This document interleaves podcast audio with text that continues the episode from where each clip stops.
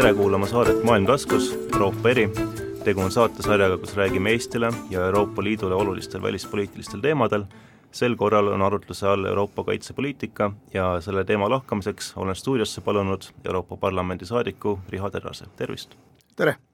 mina olen saatejuht Margus Parts. alustame äkki kõigepealt sellest, et kaardistame seda probleemistikku. kas võib öelda, et et äh, möödunud aasta kahekümne neljanda veebruari järel on alanud sisuliselt uus ajajärk Euroopa kaitses ja täpsemalt, kuidas on sõda Ukrainas muutnud Euroopa Liidu tasandi suhtumist Euroopa ühiskaitsesse? kindlasti on sõda äh, alustanud uut ajajärgu Euroopa julgeoleku ja kaitses, julgeolekus ja kaitses. Euroopa Liidu kaitsedimensioon on olnud alati väga äh, ütleme, selline vaieldav äh, ja üldse mitte väga fookuses, et äh, kord, äh, kord ta tõuseb jälle korraks fookusesse, siis kaob pildilt täiesti ära, ma mäletan kaks tuhat üksteist, kui ma Kaitseväe juhatajana esimest korda istusin Euroopa Liidu äh, sõjalise komitee laua taha, noh siis need teemad olid naeruväärsed, tegelikult kedagi see ei huvitanud, keegi kohal ei käinud, see oli selline täiesti asendustegevus siis loomulikult kaks tuhat neliteist, kui äh, Venemaa Ukrainat ründas, tekkis see fookus uuesti ja mingil ütleme aasta või kaks oli, oli kuidagi see teema vähemalt arutelul. aga viimased kaks äh, äh, von der Leyeni kõnet Euroopa Parlamendi ees ei ole kaitseteemat üldse käsitlenud. jah, viimane kõne käsitles Ukrainat, aga, aga üldse mitte Euroopa kaitset. mis tähendab seda, et tegelikult, tegelikult fundamentaalselt ei ole ju midagi muutunud, sama, täpselt samamoodi Euroopa Liidus ei ole kaitseteema fookuses, sellest räägitakse rohkem, aga sisulisi muutusi noh, mina ei ole näinud. ja, ja, ja ainuke asi, kus siis praegu vähemalt äh, ka Eesti eestvõtmisel on teema tekkinud, on kuidas tekitada ühishankeid. ja, ja on tekkinud, ütleme, on loodud ka Euroopa Kaitsefond, aga mis on nii väike summa võrreldes kõigi teiste Euroopa projektidega, et seda nagu tõsiselt võt-, võetavaks pidada ei saa. nii et eh, Euroopal täna ikkagi endiselt ei ole eh, volinikku, kes kaitseteemade eest vastutab, ei ole fokusseeritud tegevust ja äh, ja ainuke, mis toimub, on kaitsetööstuse teemaline arutelu, kus ka ei ole ühtegi olulist seadusemuudatust äh, parlamendini jõudnud viimased noh, minu, minu seal viibimise ajal. nii et äh, muutus on retoorikas, aga mitte sisus tuleme hangete juurde pärast tagasi, aga ma tahaks ikkagi täpsemalt küsida, et äh, palju on räägitud sellest, et tuleks kaitsekulutusi suurendada, kas selles vallas on näha mingit muudatust Euroopa riikide seas? ja muidugi on, aga see on kõik, kõik on NATO formaadis, ehk et et kaitsekulutuste suuret-, suurendamist on, on näha, aga minu arust on eh, jutud sellest suuremad kui reaalsed kaitsekulutuste tõstmised, Eesti kindlasti on näidanud ette oma tegevusega äh, nagu reaalset tõusu kolme protsendi peale, kahe protsendi pealt kahe, kahe koma kolme protsendi pealt kolme protsendi peale tõstmine on selgelt märgatav, arusaadav, reaalne, aga näiteks sakslaste äh, Zeitenwende, mida siin kõik äh, arvustavad ja hindavad, tegelikult suurt muutust Bundeswehris ei ole toonud, sest aasta jooksul ei ole, ei ole praktiliselt ühtegi eurot äh, Äh, Saksa kaitseväele juurde tulnud, hankeid pole toimunud, äh, et ja, ja algselt räägiti, et pannakse sada miljardit eurot äh, juurde ja siis tõstetakse kaitsekulud kahe protsendini, aga tulemusel oli see, et see sada miljardit oligi siis nii-öelda see tõstmine, ehk pool raha võeti jälle järgmise jutuga ära. ja, ja see on ikkagi veel vaidlustatav. teistes riikides tõstetakse ka, aga need tõst-, tõusmised ei ole, need tõstmised ei ole reaalselt äh, sellised, mis muudaksid Euroopa kaitsevõime tugevamaks äh, vaid pigem käib selline eelnevate aastakümnete jooksul tekkinud aukude täitmine. ehk et see teema kindlasti tuleks hoida väga selgelt äh, fookuses ja äh, ja teine teema on, mis on Euroopa Liidu kaitsedimensioonis alati, mis mind kohutavalt häirib, on jutt Euroopa armeest. see on selline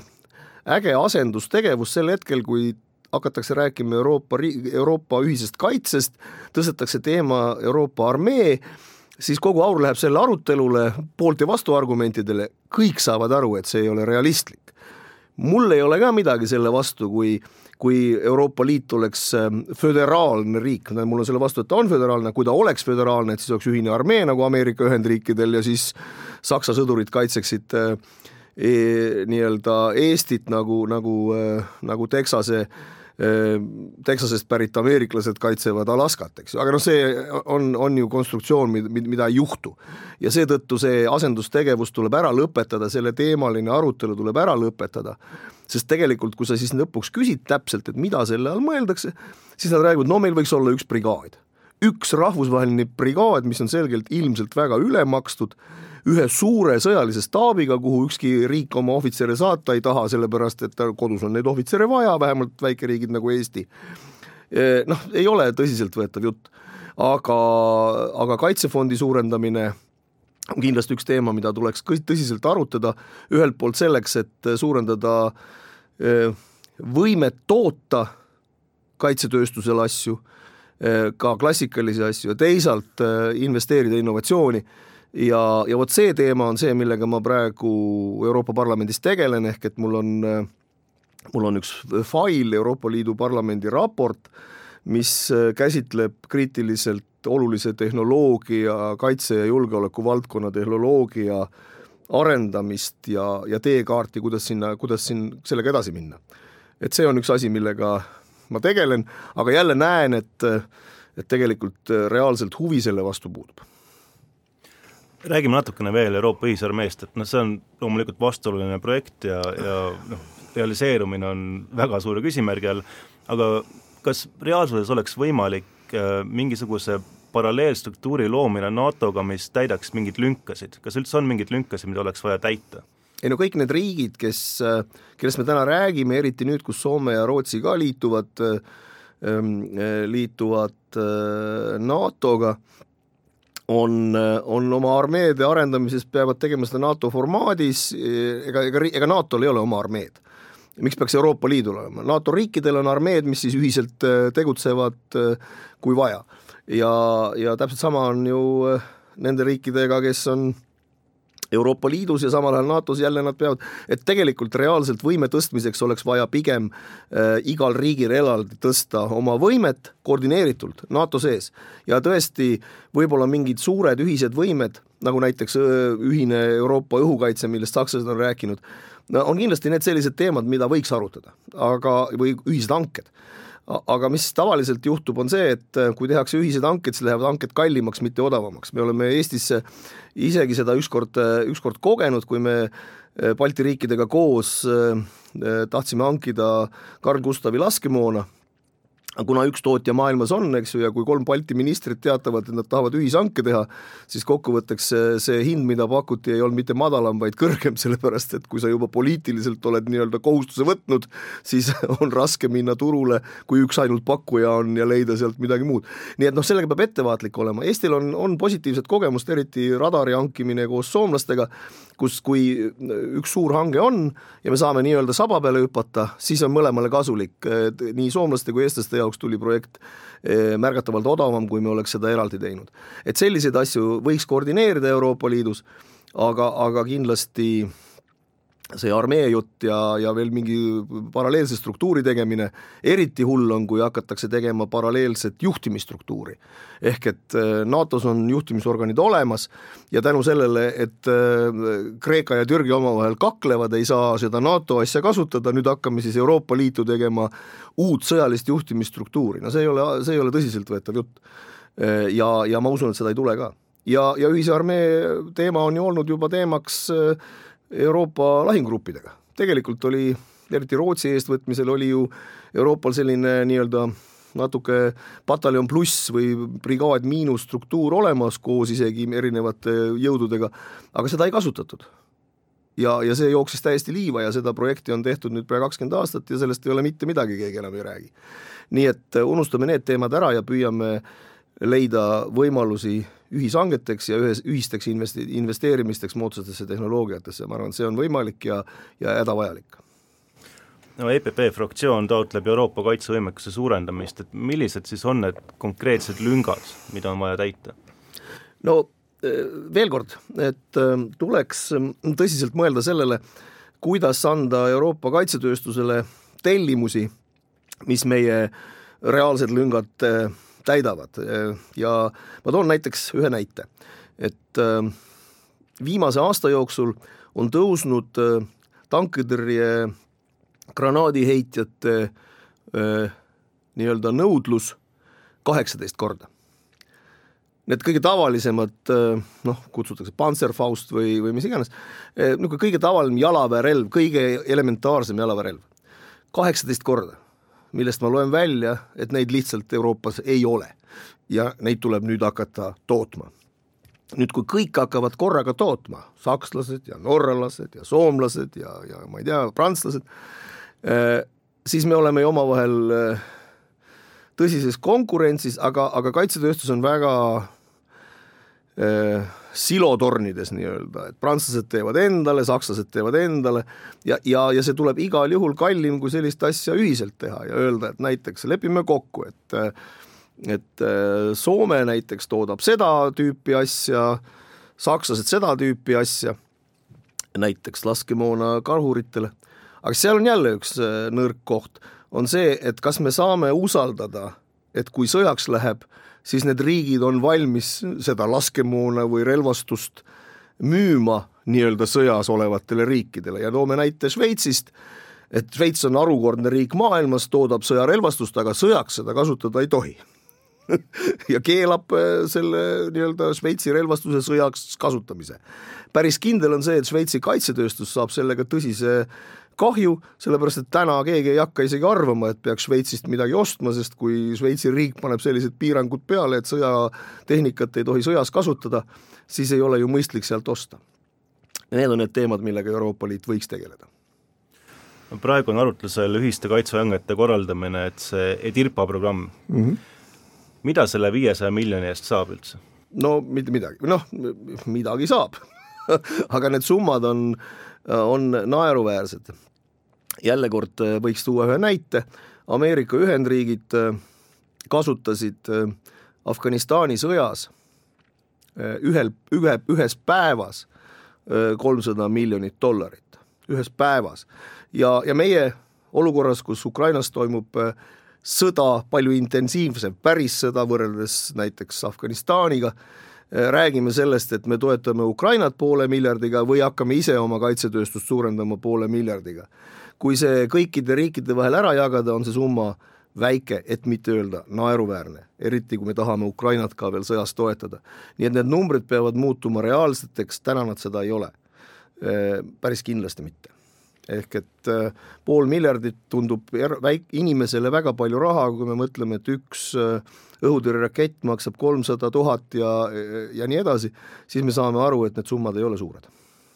aga ikkagi, kuhu see viissada miljonit peaks minema esialgsete plaanide kohaselt? no ma olen kindel, et see peaks minema laskemoona tootmisesse ja, ja lepingutega, aga minu arust laskemoonaga ka on see, et et Euroopas täna ei ole tootmisvõimekust. ehk et äh, Saksamaa tänane rahuaegne tootmise võime eh, laskemoonagruppides on sama suur, mida Ukraina eh, kasutab, poole aastaga toodetakse nii palju laskemoona, kui Ukraina kasutab ühes päevas. nii et eh, noh, aga selleks, et tööstus hakkaks suurendama oma tootmisvõimekust, oleks vaja sõlmida pikaajalisi lepinguid. ehk et ei piisa sellest, et me ütleme, et me tahame saada viiesaja 500 viiesaja miljoni eest laskemoona, vaid peab,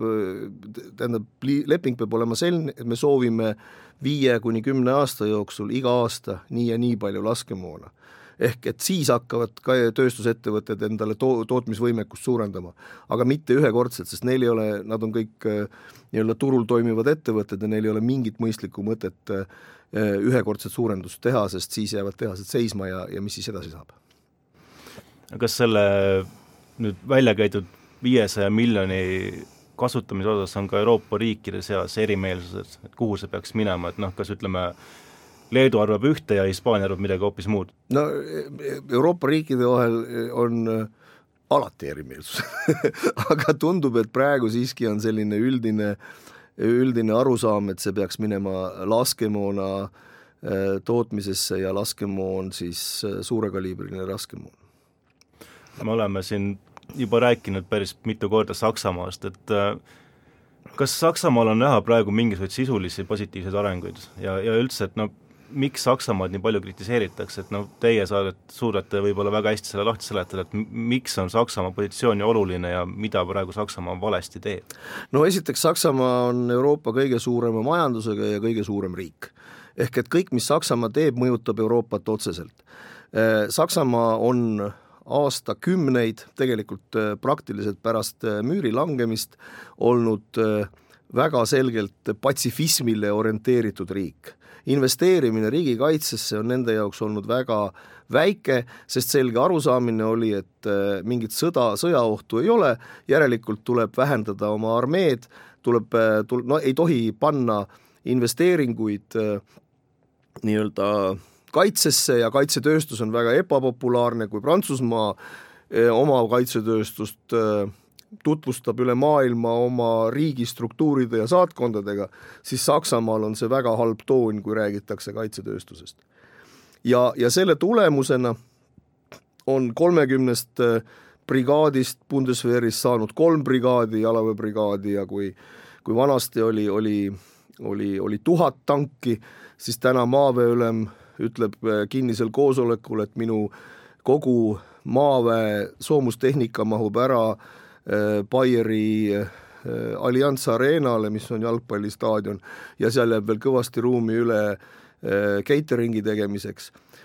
siis see on märk sellest, et tegelikult Bundeswehr vajab väga tõsist rahasüsti ja ka nendest tankidest, mis, mis neil täna olemas on,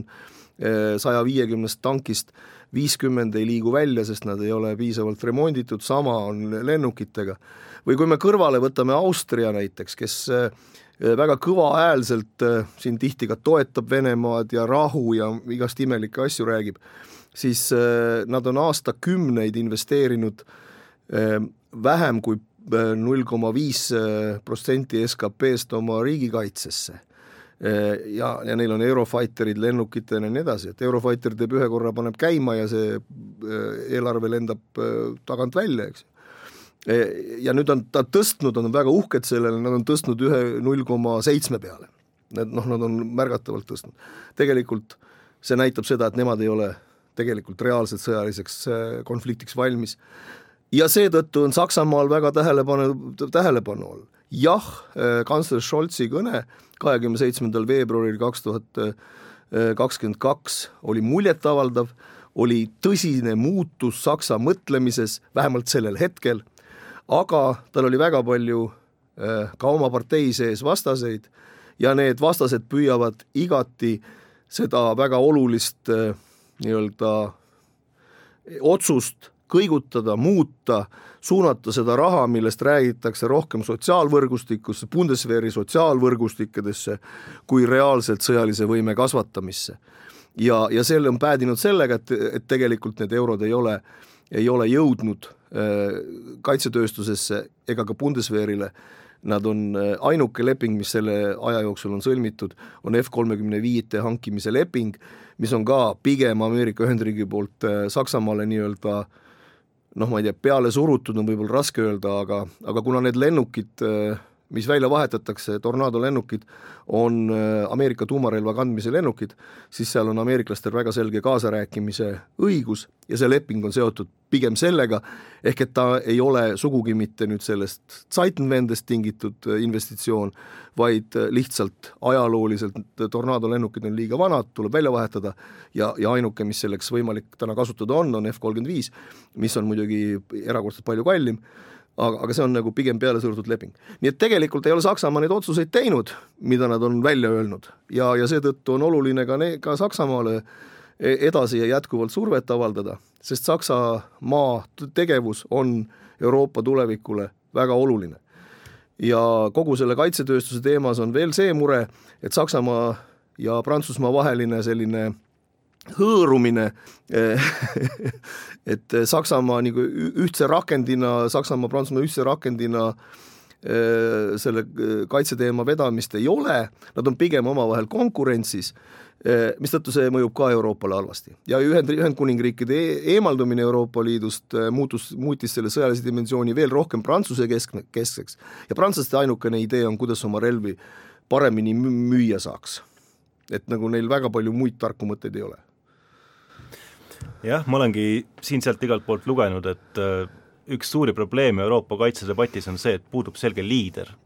kes seda asja üldse siis vedama peaks, et noh, praegu tõite välja Prantsusmaa, Saksamaa, Brexit tegi üks-null Suurbritanniaga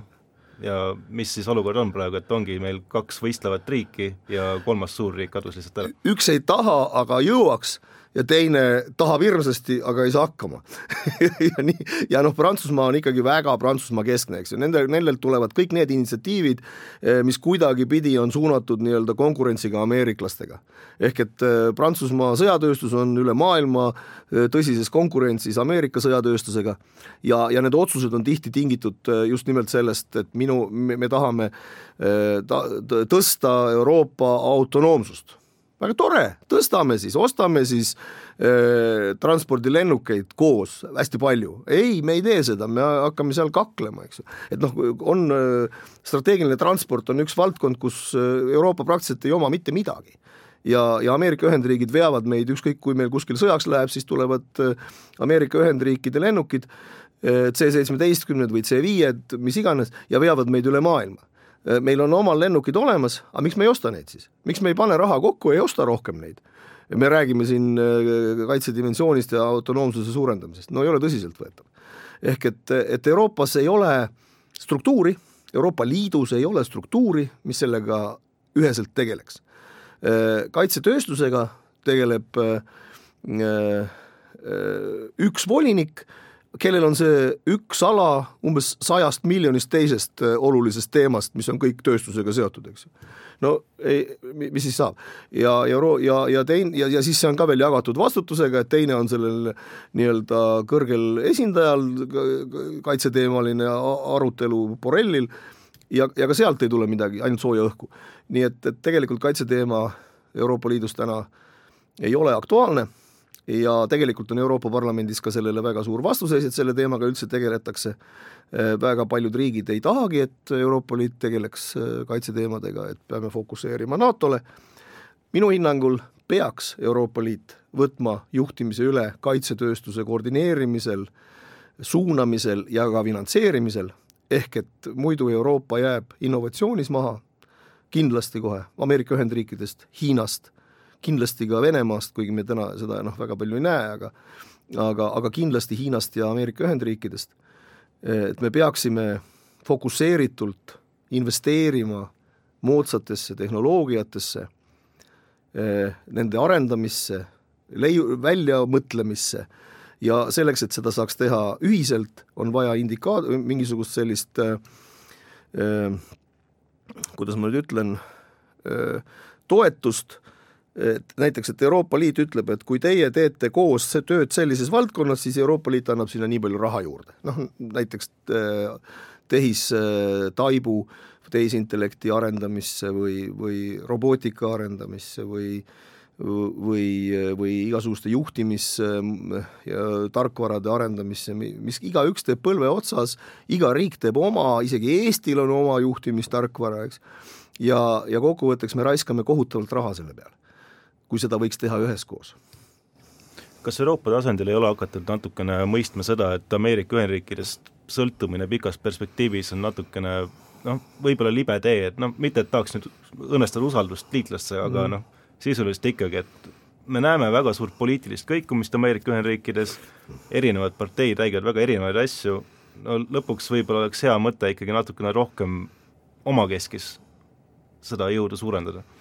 nojah, no eks see, ma veel kord räägi, rääk-, rääkijaid on jube palju, aga reaalseid tegusid ei ole tänaseks mina ühtegi näinud, et noh, me võime öelda, et me sõltume Ameerika Ühendustest, jah, sõltume küll. ja Ameerika Ühendriigid siiamaani ikkagi panustavad Euroopa kaitsesse ja kui nad ära tõmbaksid, siis me oleks ikka suhteliselt käpuli.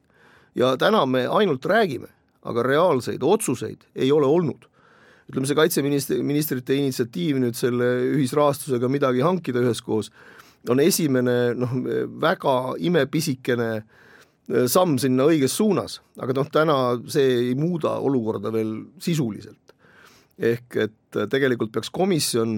võtma endale, vähemalt järgmine komisjon endale ühe prioriteedina ka nii-öelda kaitse, Euroopa riikide kaitsevõime tõstmise, eh, looma ilmselt ka eh, voliniku, kes kaitseteemadega tegeleb, eh, aga noh, sellel on jälle väga suur vastus, vastasseis, sellepärast et on, on riike, kes seda kindlasti ei taha näha, näiteks Poola. Nii et, et me oleme niisugune tavaline Euroopa, kus me kõigis küsimustes vaidleme.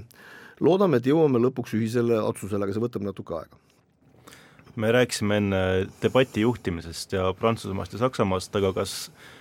nüüd Venemaa invasiooni järel on märgata ka Kesk-Euroopa riikide, Balti riikide tõusu äh, just selle arutelu vedamisel? jah, on muidugi, et äh, eks, eks kui me kui me tõstame oma kaitsekulutusi ja siinkohal kindlasti tuleb ära märkida Poolat kui, kui juhtivat jõudu kogu regioonis, nii äh, Äh, nii ütleme, Visegrádis kui ka Balti riikides, noh, Poola, Poola tänane kaitseinvesteering on ikkagi äh, väga suurejooneline ja Poola on suur riik ja suure majandusega, nad suudavad väga tõsiselt oma kaitsevõimet tõsta, äh, siis, siis seda liidripositsiooni nad endale vaikselt võtavad ka juba Saksamaa ees. noh, nii et on, aga, aga eks need nii-öelda täiskasvanud riigid, nagu mina neid kutsun, need vaatavad seda kõike pika hambaga ja ütlevad, et noh, et jaa, et ma saan aru, et need ida omad tahavad seal midagi teha, aga, aga see kõik ei ole nii hirmus, nagu, nagu neile tundub ja nii edasi, sest ega see pea liiva alla peitmise fenomen ei ole kuskile kadunud emotsionaalselt saavad kõik aru, et sõda on paha ja Venemaa on paha ja nii edasi, aga ratsionaalselt äh, tehakse otsuseid ikkagi selle järgi, kuidas rahakott on ja ja kuna on nauditud seda odavat gaasitoru otsas rippumist ja, ja seda ka, et kaitseinvesteeringuid ei ole olnud, siis said investeerida majandusse, rikkusesse, heaolusse aastakümneid, sakslaste puhul see ju tegelikult alates äh, ütleme, viiekümnendatest nad ei ole pidanud investeerima otseselt äh, nii-öelda otse oma sõjalisse kaitsesse, vaid ainult koostöös Ameerika Ühendriikidega. ja ega see mõtlemine on raske muutuma, et ega see, ega see lihtne ei ole.